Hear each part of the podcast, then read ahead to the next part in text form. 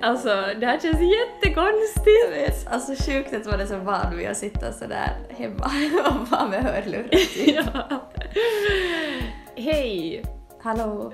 Vi sitter här tillsammans. Det känns... Ja. Mm. För första gången Ja. i samma rum när vi poddar. Wow! Jag, tänk, jag sa just före vi började att tänk att folk alltid gör så här. ja, exakt. Inte så här, okej vem startar Zoom-möte, okej blablabla. ja, exakt. Sjukt.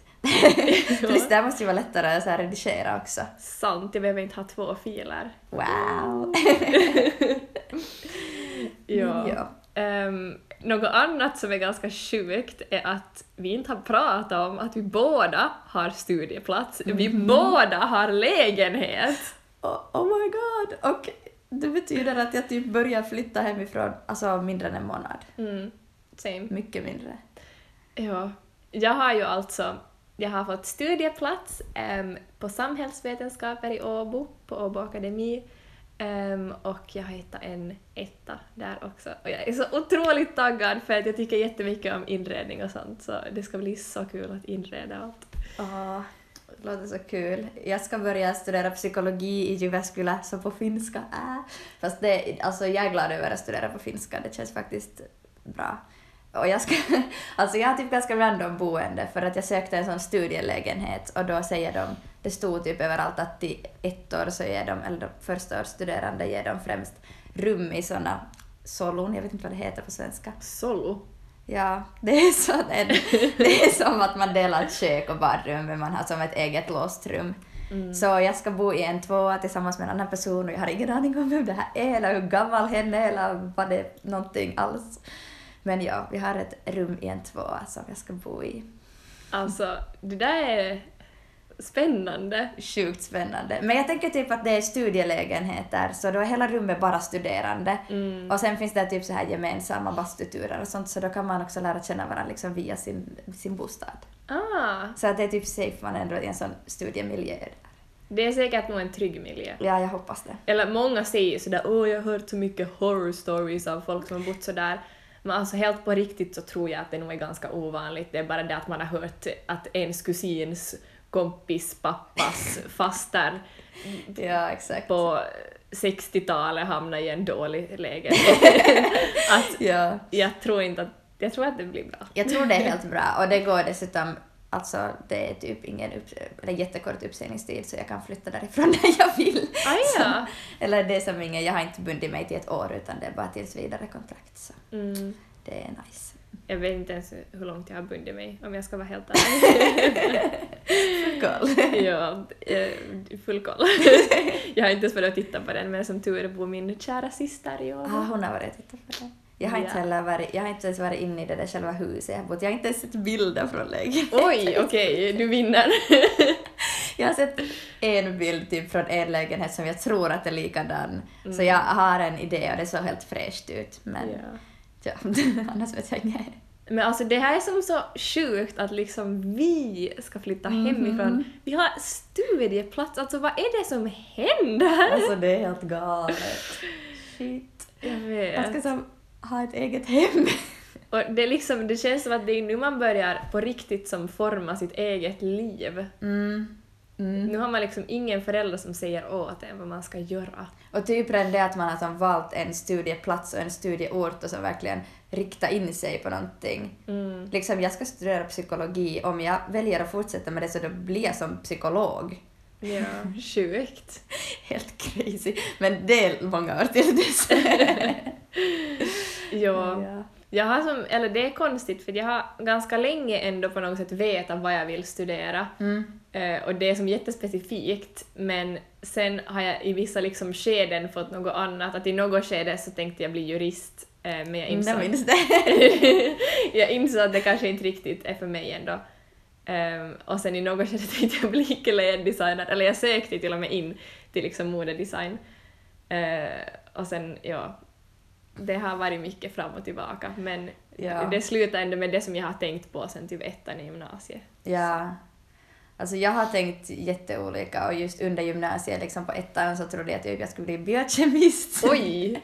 och jag läste typ bara fysik och kemi och biologi en massa och sen har jag liksom ändrat mig och sen har jag liksom tänkt på lite olika. Och nu tvekar jag ju jättemycket men jag pratade faktiskt igår med en kompis och eh, hon var som bara sådär att wow Annie, liksom, har du märkt att plötsligt allt som har varit jätteoklart har som ändå, du har liksom ändå bestämt dig för någonting. Mm. Och det är sant, nu, sen, när man, sen har man ju som bara bestämt sig för någonting. Och just nu känns det nog helt bra att studera psykologi. Och det var ju som bara några veckor sedan som du var sådär ah, jag vet inte alls vad jag ska göra. Och nu har du liksom studieplats och lägenhet. Jag vet, vad hände? Ja, Helt sjukt. Men ja. kanske man kan om man följer med podden och själv är orolig för framtiden ta det här som en lärdom. Att, Ja, Och liksom min lägenhet också, det var så sjukt för jag har varit så otroligt lugn och bara, bara sådär nej men det löser nog sig, Mm. att det är ingen stress. Och typ mamma har varit såhär lite smått panik och bara Caroline, du måste ha en lägenhet. Första lägenheten jag kollade på, Mm. på så här, vad heter det, Vuokra Ovi, så var jag sådär hm, den här var ju bra, bra location, nära Åa, två kvarter från min syster. Ehm, och så ringde vi dagen efter och så var Emilia och kollade på den på kvällen och så fick jag den samma kväll. Det är helt sjukt. Det gick för lätt. Men jag känner typ samma för att jag skrev ansökan eh, på nätet som jag bara fyllde i typ sådär ah, vad jag heter och var jag bor nu och vart jag ska flytta och vilka, vilka olika hus jag ville som söka lägenhet i. Mm. Och första arbetsdagen efter det, så på måndagen kom det ett mejl. Här, vill du ha den här lägenheten? Fint. Om du vill så skriv under och sen så får du mer info. Jag bara okej, wow, lätt. Alltså, man, man blir ju nästan sådär hmm, alltså det, ska det vara så här? Ja, exakt. Och man typ hör om folk som är sådär åh det är så svårt att få studielägenhet, oj oj oj. Och Ja. jag är så nöjd med det jag har fått och det är just studielägenhet vilket jag gillar för det betyder att det är ganska förmånligt och det är som sådär bra på något sätt organiserat känns det som. Och sådär, och det var så lätt och snabbt och trevligt fixat.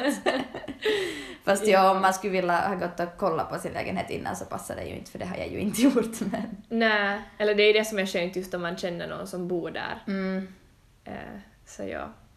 Men ja, skönt. ja, jag bara insåg att vi liksom inte ens hade nämnt det i podden. Nej, fast typ i förr... Något, nej. Men du har fått ganska nyligen, men alltså jag fick Ja. ju studieplats för länge sen. Det är sant. ja, fast vi nämnde någon gång tidigare att vi som hade studieplats och jag var som typ sådär att jag vet inte om jag ska ta den eller om jag ska tacka nej eller vart jag ska gå eller vad jag Du ska hade ju ett göra. poängsystem. Kommer du ihåg? Ja, det också. Jag har haft massa olika tabellsystem och allt möjligt. Men Ja. sen bestämde jag mig för att det inte blir Åbo utan det blir Jyväskylä. Nu har jag bestämt att det blir Finland och inte Sverige. Yes. Det här ska nog bli bra. det tror jag väl. Ja, men nu är det out there. Exakt. Men kanske roligt om någon så här följer med oss hela vägen så ser de typ hur vi först är så här trötta efter skrivningarna och sen plötsligt får vi studieplats och så flyttar vi hemifrån och så börjar vi studera och allting. ja, Typ lite roligt för en själv också att man har på något sätt sparat sådär en- den här delen. det är sant. Alltså vi kommer ju ha som varje vecka över vårt liv. Som Exakt. en dagbok typ. Fast vi Ja. nu kanske inte bara pratar liksom om våra liv, men ändå. Men ändå någon slags update finns det ju nästan varje avsnitt. Så Mm. Wow! det är lite nice. Jag har inte tänkt på det. Så ja. det är väl dokumenterat.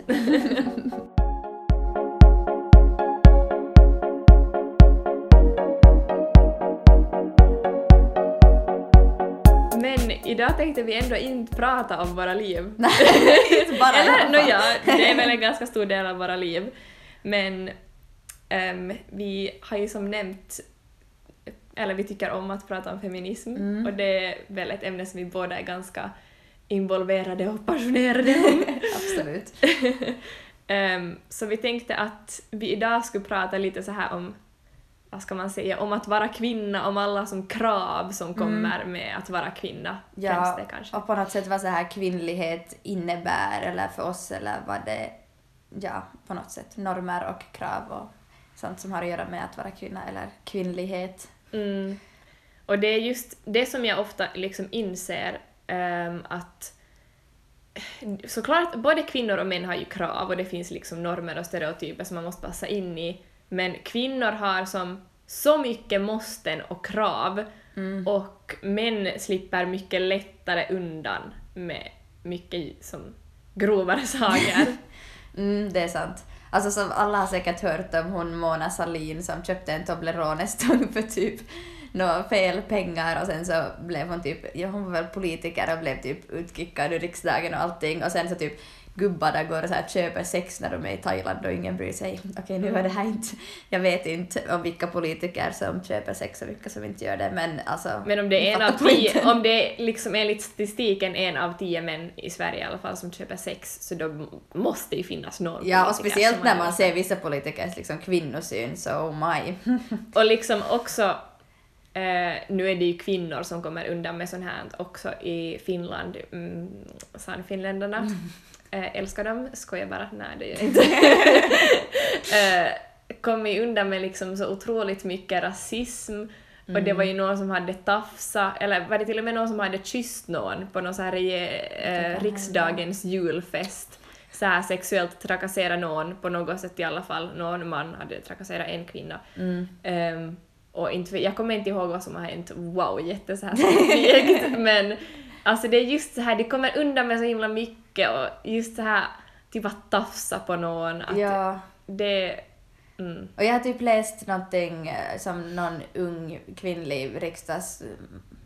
Vad heter det? Riksdagsman skulle man ju säga, men heter det riksdagsledamot? Ja, riksdagsledamot. Ja. Har typ pratat om eller skrivit om just sådär att det är typ inom riksdagen finns jättemycket sådana liksom, alltså nå sånt smått förtryck typ mot kvinnor och att det finns kanske nå, säkert där också en sån uppfattning om att, eller så att man tytöttelee och sådär att åh Mm. lilla flicka. Och det alltså för det första är det jätteirriterande att det inte finns ett namn för det på svenska, men typ tytöttely, alltså det är så otroligt störande och dumt och också på något sätt helt jätte sådär Alltså man på något sätt helt tar makten av en vuxen kvinna genom att kalla dem för en liksom flicka. Hör du lilla fröken? Ja, man bara, nej. Och typ så här, då man är i riksdagen, liksom alla har blivit invald dit, Exakt. alla har liksom samma villkor och ändå är de där gubbarna typ sådär nej men ska nu kvinnorna komma hit? Mm. Och typ, det, är, alltså, det är nog lite det där liksom att ska de nu komma hit? Ja. Och, ja. Alltså det är typ sånt som jag, för jag upplever inte mig ha blivit sexuellt trakasserad, vilket jag kan vara tacksam över. Mm. Okej, nu, det var inte det jag tänkte säga, men jag kom på en helt sjukt skev sak med att just vara kvinna eh, att, och tafsande. Alltså att jag har som upplevt att eftersom jag inte blir tafsad på så kan jag inte vara attraktiv. Och det är ju som också helt bisarrt att huruvida man är attraktiv eller inte bestäms av Män. Liksom, män som Mm. går över ens gränser och Usch. sådär. Jo, och det är liksom, nu har man ju ofta fått höra så här då någon, eh, no, det var kanske, ja, att just om någon liksom man i ens närhet nu, alltså inte, jag, det är liksom inte släktingar och sånt, men liksom bara typ bekanta som har tafsat på en så har det bara varit sådär ja men han tycker ju bara om dig. Mm. Det är som, som att ungefär sådär att vi har lärt oss att vi ska ta det som en komplimang för Exakt. att bara hålla käften. Mm. Och ja, på tal om trakasserier, det känns som att vi hoppar jättemycket nu, men jag kom bara på att jag har sett just mycket på TikTok, eh, en sån här Twitter-post som har kretsat runt som är sådär att om, vad heter det, vad heter det, lesbian? Lesbian! Om lesbiska kvinnor, eh, jag tänkte på lesbians, om lesbiska kvinnor liksom kan hålla sig runt kvinnor Mm. och inte tafsa på dem fast de typ byter om i samma omklädningsrum och som beter sig helt respektfullt så då har männen liksom ingen ursäkt. Mm, jag har också sett den där. Och jag tycker att det där som så beskrivande att männen bara de bara lär sig att de får göra det. ja, exakt. Och kvinnor gör inte för att vi har lite vett. Ja, alltså, det handlar ju inte om att liksom män är djur eller sådär. Plus att alltså, om det skulle vara så så skulle man nog antagligen också tänka sig att liksom lesbiska kvinnor är mer djuriska. Jag tror att det finns någon slags sån fördom, eller så är det bara min internaliserade homofobi här. Men att jag har fått uppfattningen att man tänker att, att lesbiska kvinnor är sådär bara vill ta så här alla straighta kvinnor och alla mycket mer. Vill bara göra samhället helt korrupt. Typ. Med Så- sin gayhet. Exakt. Så om de liksom kan hålla sig, så varför skulle inte män kunna? Liksom, det handlar inte om kjolen eller om Nej. liksom, urringningen, utan det handlar nog om att bete sig eller inte bete sig och respektera andra människor. Och sen är det ju nog mycket den här makten också, att, Mm. eller det är väl det som är kanske största orsaken till sexuella trakasserier, att män på något sätt känner att de har rätten att göra Mm. det och som på något sätt ibland till och med gör det för att som tryck, eller ofta gör det för att liksom trycka ner någon och visa Mm. typ ungefär att jag eller speciellt om inte man tycker om någon och de Mm. liksom tafsar på en så är det sådär ja, si, jag, jag har nog som ännu makt över dig. Ja, sådär jag får göra vad jag vill. Ja, att fast du inte tycker om mig så hin- kan, du kan inte stoppa mig. Mm. Och sen ibland tror jag att det på något sätt är sådär jätt, alltså så himla inlärt på något sätt att man, att det är liksom en självklarhet för många personer, eller liksom män, att man inte ens liksom inser själv när man kanske går över någon annans gräns eller Mm. sådär, för att man som inte på samma sätt har liksom socialiserats till att hela tiden, eller inte nu hela tiden, men ens lite mer att ta andra människor i beaktande på något sätt. Ja. Och det var ju, nu då vi har liksom pratat lite före det här avsnittet så var det det som också kom upp som, från oss båda, Mm. att um, nu kommer det kanske mer över till måsten som kvinnor har, men att det blir ofta jätte så här kvinnor ska vara så himla omhändertagande Mm. och vi uppfostras jättestarkt till att på något sätt alltid bry oss om alla och se att alla har det bra och att vi har som ett jättestort ansvar för alla andra medan det är många liksom just kanske eh, som stereotypen är ju i många heteroförhållanden att liksom kvinnan tar hand om barnen och ringer släktingar och de fyller år och mannen typ Mm. ännu lite bara där. Och att kvinnan dessutom tar hand om sin man Mm, på något sätt sådär emotionellt och fixar hans disk. ja, Sånt. och låter mannen typ bli arg då hon har lagat fel middag Ja, och är sådär exakt. åh förlåt typ. Mm. Alltså, gud, jag kom just att tänka på någonting men nu tappade jag det. Ja, alltså att jag kom att tänka på, som vi nog nämnde sist vi pratade om feminism också, på något sätt den här dubbelbestraffningen i att kvinnor ska vara omhändertagande och man ska vara snäll och mjuk men samtidigt när du uppfyller den här liksom stereotypen och är snäll och mjuk och omhändertagande så anses du kanske också svag. Mm. Och på det sättet så eftersträvar man ju som hela tiden det här som maskulina är ju liksom kanske mer idealet i samhället. Mm. Eh, men sen när en kvinna är maskulin så då är det lätt att man sen är bitchy istället liksom. Alltså det är så här you're damned if you do, you're damned if you don't. Mm. Eh, Men det är nog också just, det märks som så tydligt den här grejen med att speciellt vara omhändertagande. För eller, om man skulle vara liksom perfekt enligt samhället skulle man ju vara liksom stark och så här boss men ändå snäll och liksom ändå låta alla trampa på en lite.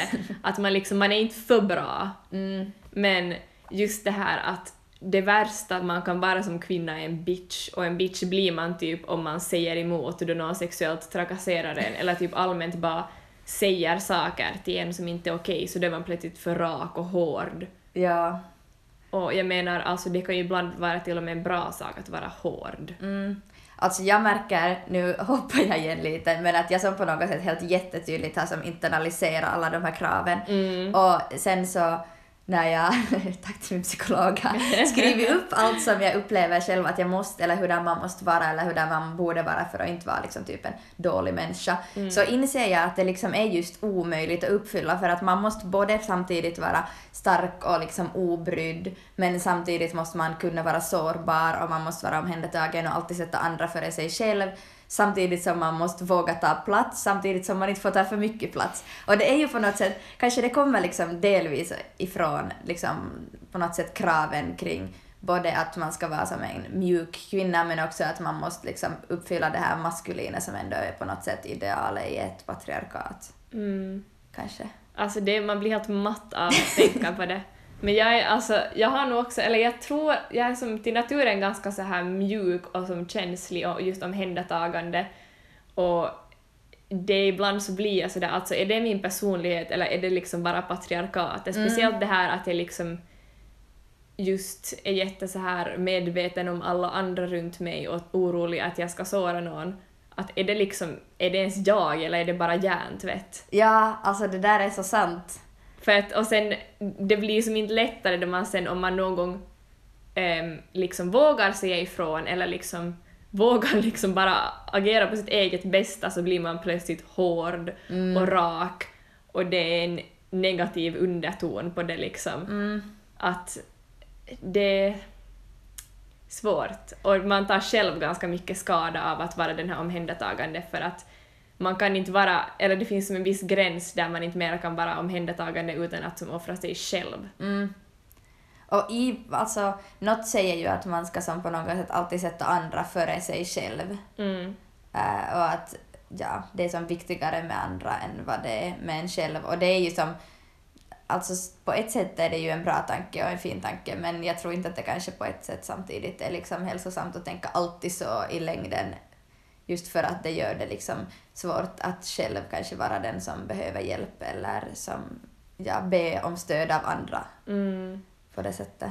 Jo, att jag tror nog att det är ganska vanligt just i familjer att det blir liksom mamman som ska ta hand om alla Mm. och ing, hon får som inte stöd av någon så det blir bara till slut sådär att hon, mamman mår dåligt. Nu pratar inte jag kanske så här specifikt om min egen mamma. Nej, jag skulle inte säga att det kanske är Eh, helt min mamma heller. men- liksom, så, nu pratar jag som så här normativt att eh, ja, att det finns ju som den där strukturen som man Mm. ofta ser.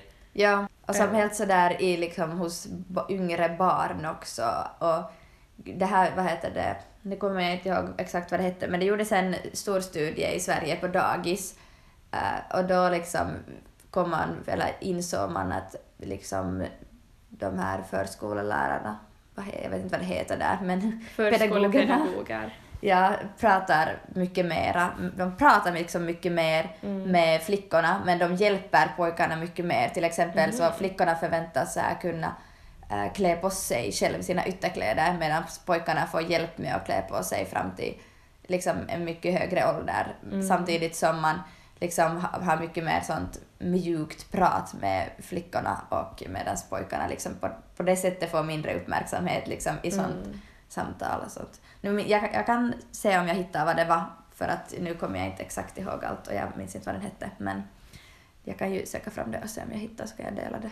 Men liksom fast det inte var så specifikt ändå så det är ju väldigt talande. Mm. Och det pratar vi också, också just om idag. Eh, men att män från en så ung ålder liksom, de får så himla mycket som hjälp, eller det blir som, man brukar ju använda termen mansbebisar, Mm. att liksom då, då pojkar sen flyttar hemifrån, de kan inte tvätta, de kan inte laga mat, de kan Mm. inte städa. Nu är det som jättegeneralisering, men jag har som sitt flera sådana fall hända. Ja. Och sen så kommer mamman dit och tvättar och lagar mat åt dem och de måste ringa och fråga att hur ska jag laga typ, hur ska jag koka potatis? Och att det är just det här att liksom man daltar så himla mycket Ja. med män och det är väl kanske då blir det ju så lätt också att liksom på alla andra områden att de inte heller ska måste ta ansvar.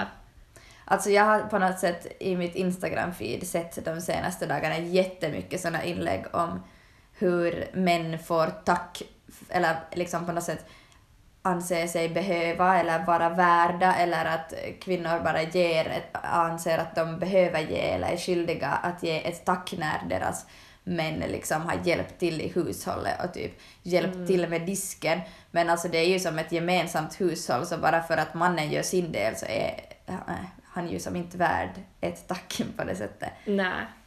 Och sen är det ofta som på något sätt så här, så säger typ mannen sådär att nej men jag klippte ju gräset. Då har som kvinnan städat hela huset, lagat all mat och diskat i en månad och han klipper gräset en gång i månaden och det är så synd om honom. Alltså det här typiska, men jag byter ju däck på bilen. Ja. Jag var bara det händer två gånger per år. det är ingenting. Alltså, ja, nu är jag ju inte allvarlig fast det var ett lite roligt skämt. Jag hoppas att alla kan ta det här med en yeah. bli basalt. Jag såg en, igen på TikTok ett skämt där det var typ sådär att om jag gifter mig med en man så säg inte grattis, typ tyck synd om mig. Men jag tror inte att om jag, om jag blir tillsammans med en man i framtiden så är inte risken stor att det är ett sexistiskt svin.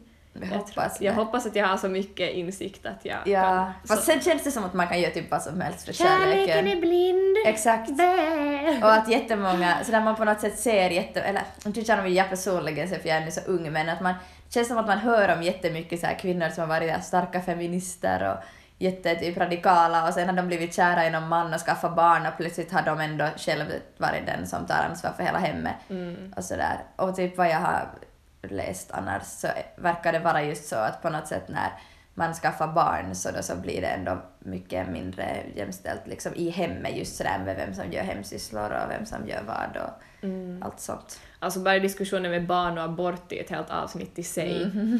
Men det, är- alltså det är just det där som... För det finns ju nog många vettiga män, Ja. vill jag tro. ja, alltså det finns ju nog, men um, skenet bedrar ibland också. Och sen är det ju ofta att man kanske inte ser i början Mm. hurdana de är egentligen.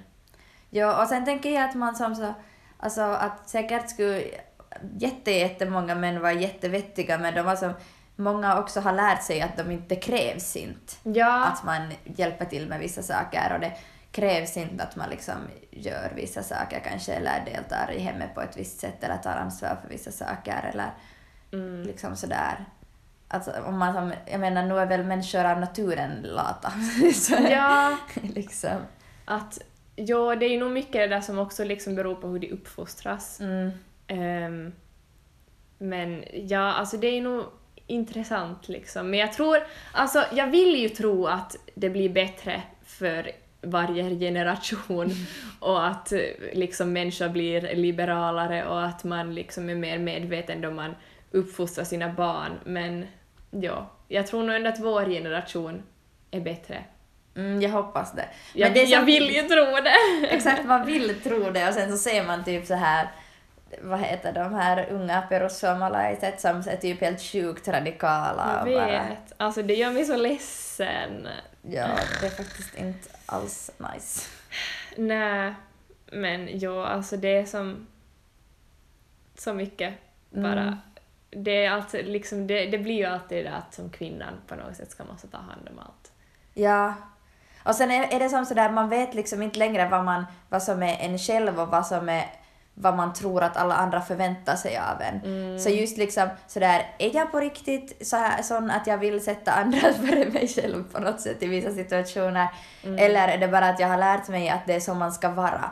Liksom, är jag egentligen, ja, alla är sådana egenskaper, att hur mycket kommer på något sätt ifrån olika, antingen riktiga eller liksom sådana krav som man tror sig finnas. Liksom att vad är på riktigt vad man själv är och vad kommer på något sätt utifrån eller att man har lärt sig det. Mm.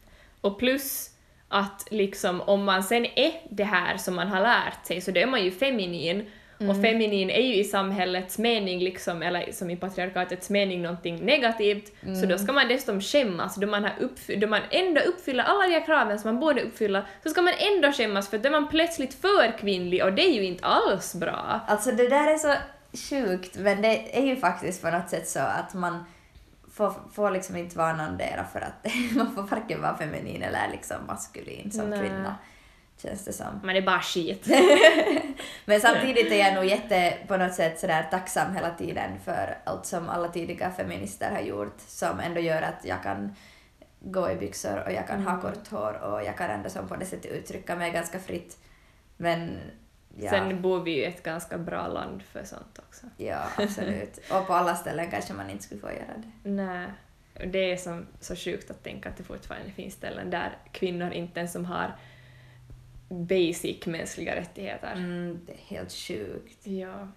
Mm. Men jag kom förresten nu att tänka på äh, gällande just att om man är som kvinnlig så är man dålig för att man är kvinnlig och det kvinnliga är dåligt. Mm. Äh, men sen antagligen så är man, när man är liksom sen mera kanske nå, ha, beter sig på ett sätt som anses mera maskulint så då kanske det är dåligt också för att då är man liksom plötsligt ett hot Mm. för till typ männen. Mm. Att det på det sättet också blir en sån här sak att, att plötsligt är man hotfull för att man liksom tar plats och då kan man ju som ta deras plats. Oj nej, vad händer då? Och så det är jättekonkret, det blir till exempel i arbetslivet, att liksom om kvinnor är framgångsrika Mm. så oj nej, då kommer det plötsligt en som competitor, så då är det ju jättelätt att skjuta ner dem bara på liksom att dra kvinnokort Mm. hela tiden. Att, Så. ja. Ja men det, det där var faktiskt en intressant tanke, att då blir man ju ett hot om man är Ja, maskulin. att kanske det är det liksom som gör att därför är det på något sätt inte bra. Nej, och då försöker man trycka tillbaka dem i den där Ja. kvinnoformen. Ah, Var du med i skolan när vi hade den där föreläsningen om Om feminism. könsroller? Ja. Typ? ja. Det där workshopen, det måste gå runt och prata. Jag minns inte att vi har gått runt och pratat. Men du var, för att det var en workshop där man skulle gå runt och prata, det var typ bara vi som pratade. Ej, ja, men det var nu senare, men vi hade typ på tvåan. Jaha, nej men jag var ju borta på två Var det då när du var borta kanske? Säkert. Hon Malin Gustafsson var och pratade. Jo, jag var nog borta. Ja, så det var jätteintressant och då utgick hon just ifrån liksom sådär att det finns så tydliga sådana typ boxar om hur man ska vara för att vara en man eller en kvinna och att på något sätt jättemycket av förtryck och eh, liksom trakasserier kommer på något sätt ifrån att det, man har de här liksom könsstereotyperna och att det liksom blir problemet när man som liksom män får inte kanske uttrycka sig på vissa sätt och liksom pratar inte om vissa saker och att kvinnor liksom ja, sen ska vara på ett annat sätt och hon liksom, jag kommer inte exakt ihåg, men ni kan, hon har ett företag som heter typ Equalitas, det kan ni läsa mer på om ni vill. Eh, Men det tyckte jag var intressant att det liksom, för det var just efter de här grejerna, efter typ metoo och överstoo, så det var handlade om typ sexuella trakasserier ursprungligen. Och då tyckte jag det var spännande att hon liksom valde, eller att det pratades mycket om just liksom könsroller och normer istället för att bara prata om att man inte får tafsa på folk eller om typ samtycke. Och det är det som det liksom blir så komplicerat med sexuella trakasserier, att det är ju som eh, så mycket där under, att det är ju som inte så lätt som att bara tafsa inte. Mm. Eh, säg till någon om du blir tafsad på. Ja. att det är ju som inte det det handlar om egentligen. Det är inte som att ja, det är ett så mycket större problem än det. Och det finns som så mycket annat som hör till det också och det är lätt, tror jag, att glömma också. Ja. Men det som är intressant på tal om det här, den där tweeten som har hört sig om att nog liksom lesbiska personer nog klarar av att hålla sig. Så när jag har varit på olika såna gay-evenemang så har det liksom, jag tycker jag alltid sett att det har stått lappar sådär om du blir trakasserad så här är liksom den person du ska ringa till. Att det liksom förhållningssättet inom den queera communityn på de ställen som jag har varit på åtminstone har liksom varit sådär att man på något sätt på förhand har varit förberedd på att om det förekommer trakasserier och att det liksom är, verkar, känns som att det uppfattas som en mycket viktigare sak. För att det är ju inte som att det på typ Ollis eller Fonna finns liksom lappar sådär att om någon tafsar på dig så här är den personen du ska ta kontakt med så kan vi hjälpa liksom. Nej, alltså det är inte riktigt, det, det känns ju inte så tryggt alltid bara för att det är som säkerhetsvakter så ibland känns det som att de liksom inte skulle göra så speciellt Mm. mycket. Och jag, jag tycker sant. alltså det är så här stora män som är säkerhetsvakter, jag skulle typ... Om De jag är skulle, lite läskiga. Läskig, rädd för stora män. Men ja. Men du hade väl också hört, nu sätter jag ord i din mun, du hade väl också hört någon vakt säga typ sådär att oj on niin Ja. paljon homoja då det var Oh my pride. god, sant. Man bara, hm, vad väntar du dig? Ja, exakt. Bara det, hallå, det är pride. Är. Ja, det är sant. Och det kanske inte gör att man får mera förtroende när de då står typ och skrattar att det, åt att det är mycket gays. Eller som, det skulle vara fint att göra om du själv skulle på något sätt vara synligt queer så att man skulle veta Mm. att det är på något sätt sådär att man uppskattar sin egen. Och man fattar ju nog liksom i vilken ton folk säger saker då man Ja. hör vad de säger. Att det är som åh vad kul att här är så mycket gays, jag tror inte att han sa så. Nej, han sa inte så. så ja. Mm. vad heter det, jag hade äh, äh, äh, skrivit upp ännu som en, men det har vi kanske nämnt lite, att så här, att vad är på något sätt att vara kvinna jämfört med vad är att vara kvinnlig. Mm. Och alltså jag tycker det är så svårt men också så intressant. Ja, alltså just den där Under det rosa täcket Mm. som vi båda har läst mm, pratade ju jättemycket om Mm. sånt. Att kvinnan på något sätt är som sin kvinnlighet medan mannen är en man Mm. och han behöver inte någonting för att vara en man utan hon är Mm. bara det. Men kvinnan är som inte en kvinna före hon har allt som hör till Ja. en kvinna. Ja. Och det, det är typ svårt. Eller sådär, jag, jag vet inte, jag, jag identifierar mig jättestarkt som cis liksom. Mm. Eh, men inte vet jag om mitt uttryck alltid är som jättekvinnligt på det sättet. Men jag vet inte, det är, det är intressant med på något sätt kvinnlig identitet. Eller vad man ska Mm. liksom... Ja, Ja, vad det på något sätt är. och typ just, vad var det, det stod någonting om så här på apoteken förr att det var liksom eh, männens, ehm, vad heter det, männens avdelning och det kvinnliga hette det. Liksom. Ja. Det här var ju tidigare, men ändå att det liksom... Männen... Det, det som säger så mycket bara att kvinnan får inte ens stå där utan det är Nej. som bara det kvinnliga. Mm. Jag vet inte Ja. om det där make någon sens men... Mm. Jo, ja. det, alltså det är ju som sådär att på något sätt kvinnan är så ofta subjektet liksom medan mannen är det aktiva. Mm. Det är tvärtom, kvinnan är objekt och mannen är subjekt. Och alltså helt Jag bara om man, mm. om man, jag skrev tror jag i studenten livsåskådning någonting om, ja, det var om en text som handlade om mannens blick på kvinnor. ah. Och den hette typ sådär, nå nå, jag minns inte, men det handlar just på något sätt om att en man tittar på en kvinna eller liksom sådär. Och då är det ju som redan att i, i den meningsuppbyggnaden så är ju liksom kvinnan objektet som på något sätt bara blir beskådat Mm. medan mannen är som den aktiva handlingspersonen. Ja. Ja, det är Ja. sant. Och jag tror att kanske om man skulle som studera det mer så kan det hända som rent språkligt också så sätts kvinnan ofta som mera passiv och mannen som mer aktiv. Men det finns ju just, jag kommer inte ihåg vad det testet heter, men i filmer är det ofta Mm. just det här att hur många kvinnor, eller hur många scener finns det där det bara är kvinnor som inte pratar om en man? Mm. Och det är liksom förvånansvärt få filmer som kommer igenom det här testet. Ja. Att det är, man tänker inte på det för att det är som överallt, men det blir så himla tydligt. Mm. Och det är ganska sjukt.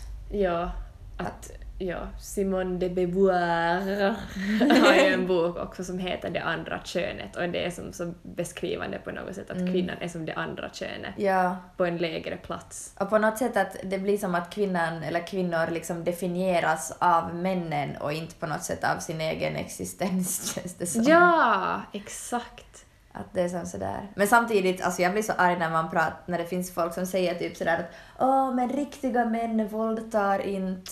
Man bara... Äh? Vilket avgrundsskrik det där var. Alltså det, det är som bara, ah, det är en sån sak som man inte får säga. Idiot! Säg inte. Och typ... För det är som inte så. Plus att då på något sätt vad man... Ah, gud förlåt, det känns som att jag pratar jättemycket. Nej, jag tycker det. När man hör sådär eh, prostituerades berättelser så är de alltid sådär att det enda gemensamma är att de är män och att det Mm. ofta är vanliga män som gör det. Som, och prostitu- att köpa sex är ändå ett slags, en slags våldtäkt. Mm. Eh, Man kan inte köpa sex, man kan köpa samtycke. Exakt. så då är det ju som på något sätt att vadå, visst, alltså det är vanliga män som våldtar. Det är vanliga män, man kan som inte tänka att män som grupp inte måste ta ansvar för sexuella trakasserier för att riktiga män inom citationstecken inte gör det för att visst. Det betyder bara att man tar bort ansvaret från sig Ja, själv. exakt. Det är som bara ett sätt att inte måste ta ansvar för. Ja, ta som avstånd till problemet. Mm, Åh, jättestörande. alltså det är som... Det, man blir arg då man tänker på sånt här. Men också som prostitution är ju ett så tydligt tecken på att kvinnohat finns kvar Mm. och blommar och härjar och har sig. Ehm, så ja, det Mm. är liksom... Om man fortfarande på något sätt tror att världen är 100% jämlik så vet jag inte under vilken sten man sitter och kokar. Ja. Men det, det är ganska intressant också, samtidigt ser man typ att kvinnor just nu, tror jag i Finland åtminstone i genomsnitt är typ högre utbildade än män och ändå tjänar män i genomsnitt mycket mer än kvinnor. Hmm, undrar varför? Det är som också Skulle det kunna vara på grund av sexism? Nej. Va? Det måste nog finnas någon annan förklaring. Men ja, det är ganska sjukt. Mm. Åh, alltså jag blir arg! Och det är som sådär, var ska man börja? Vad ska jag göra? Ja, och det, man känner sig ibland som så hopplös, eller man kan inte göra någonting. Nå, fast sen det man får göra är väl att på något sätt kanske försöka fundera på och prata, fundera på och prata om och sådär ha på sig sina feministiska glasögon. Feministiska glasögon. Och som hela tiden utbildar sig också. Mm. Och som på något sätt våga se problemen och våga inse att de är problem och sen kanske dessutom våga vara den där jobbiga som säger till om det. Mm. Men alltså som man skulle det vara mycket lättare att göra Mm. saker för att de har ju så mak- mera makt och det är ju som ofta de som är förtryckarna och det är de som har många pojkkompisar som de kan säga till. Så Sant. om det är liksom män slash pojkar som lyssnar på det här så ta liksom, tänk efter lite extra och våga på riktigt börja säga emot dina kompisar då de Mm. gör saker som inte är okej och om du känner att du är en person som tafsar på folk så sluta omedelbart! känns helt sjukt att någon skulle lyssna på vår podd och vara en tafsare, men man vet aldrig för att det visar ju sig att män, män i allmänhet, många gör det. Mm. Så, men ja, Mm. och alltså, Bara ta lite ansvar. alltså jag tycker också, du, männen nu- måste ta sitt nu får ansvar. män börja ta sitt jävla ansvar. Exakt, utan att förvänta sig att alla kvinnor ska så liksom stå och applådera. Det blir inga applåder för dig för att du gör liksom the bare minimum. Ja, exakt. Det är bara att vara en decent människa och liksom vara feminist. Ja, det, det enda vi liksom ber om är att man ska respektera alla. Mm. Är det så svårt? Är det så jävla svårt? Ja, och utan just, alltså det, det blir jag typ irriterad på att sen är det typ män som går ut och typ pratar med andra kvinnor om feminism och alla är sådär wow, en feministisk man och man bara Det är som en unicorn typ så oh my god, wow! Men på riktigt så har han ju för det första inte ens utnyttjat sin makt så bra för att den där mannen har liksom bara om, om han bara har pratat med andra kvinnor. Och dessutom så liksom vadå, det är helt rimligt att män skulle prata om liksom feminism och börja ta lite ansvar för sig själv och ja. Ja, liksom det minsta man kan göra är att liksom ta ansvar för sig själv. Ja, och en så här, om man inte vill prata om typ kvinnors rättigheter så börja ens typ prata om dina känslor med dina kompisar om du är nu en man eller pojke eller någonting. För att redan det gör liksom att man ändrar sättet som män får prata på så småningom och det kommer också påverka hur män hanterar sina känslor. Ja, gör någonting. Sen finns det de här, jag tänker inte hänga ut någon, men det finns ju de här männen som pratar om feminism och sen sexuellt Fan, trakasserar jag kvinnor. skulle så vilja hänga ut men vi ska inte hänga ut. Nej. men det finns ju såna. Um, ja. Fast alltså då, då, då blir jag, skaffa självinsikt. då, alltså, då, blir jag, jag blir, då kan jag bli så arg att jag börjar gråta. Alltså då jag det vill bara finns gå ut och folk, slå dem i ansiktet. folk som liksom oj, oj. Jag uppmuntrar inte till våld. Men det är liksom toppen av så här mansäckel som Mm. pratar om feminism för att få uppskattning Och får uppskattning för det. och får uppskattning för det och sen sexuellt trakassera kvinnor. Ja. Låt det sjunka in om du är en vettig människa som inte gör sånt här. Och, och Om du är en sån människa som gör sånt här så fuck you! exakt. och om du är någon som känner någon så här så fa, alltså vi måste nog också, tror jag, våga säga att det liksom är fel, eller våga som vara tydliga med att vi vet vad du gör, även om du låtsas att du är jättefeministisk, typ. Ja, och typ om man ser en kompis tafsa på någon så säg bara att hej vad gör du? Ja. Eller typ slu- gör inte sådär. Mm. Det är inte svårare än så! Ett, förresten, ett tips eh, som inte var mitt veckans tips egentligen, men om man vill som svara på typ en sexisti, ett sexistiskt skämt eller en sexistisk kommentar eller någonting sånt överhuvudtaget, så alltså man kan bara som be dem förklara det. Jo, det där har jag också hört. Det är på riktigt bra, jag har typ testat det någon gång och det är som, för att det går som inte att förklara utan att Låta dum. Ja, eller liksom exposa att man typ har kvinnoföraktande Ja. tankar och åsikter. Så alltså det är på riktigt bra. Man kan som bara vara sådär att ah, hur menar du eller någonting sånt. Mm, kan man göra. ja. Så, men Man ja. behöver inte säga emot, man kan bara vara sådär ah, men alltså jag fattar inte. Vad- Ja, vad exakt. men- Men, Men, alltså, jag, menar du fatt- jag riktigt? fattar inte. Jag förstår Men inte. va- varför det? ja, exakt. Så det är bra. Ja.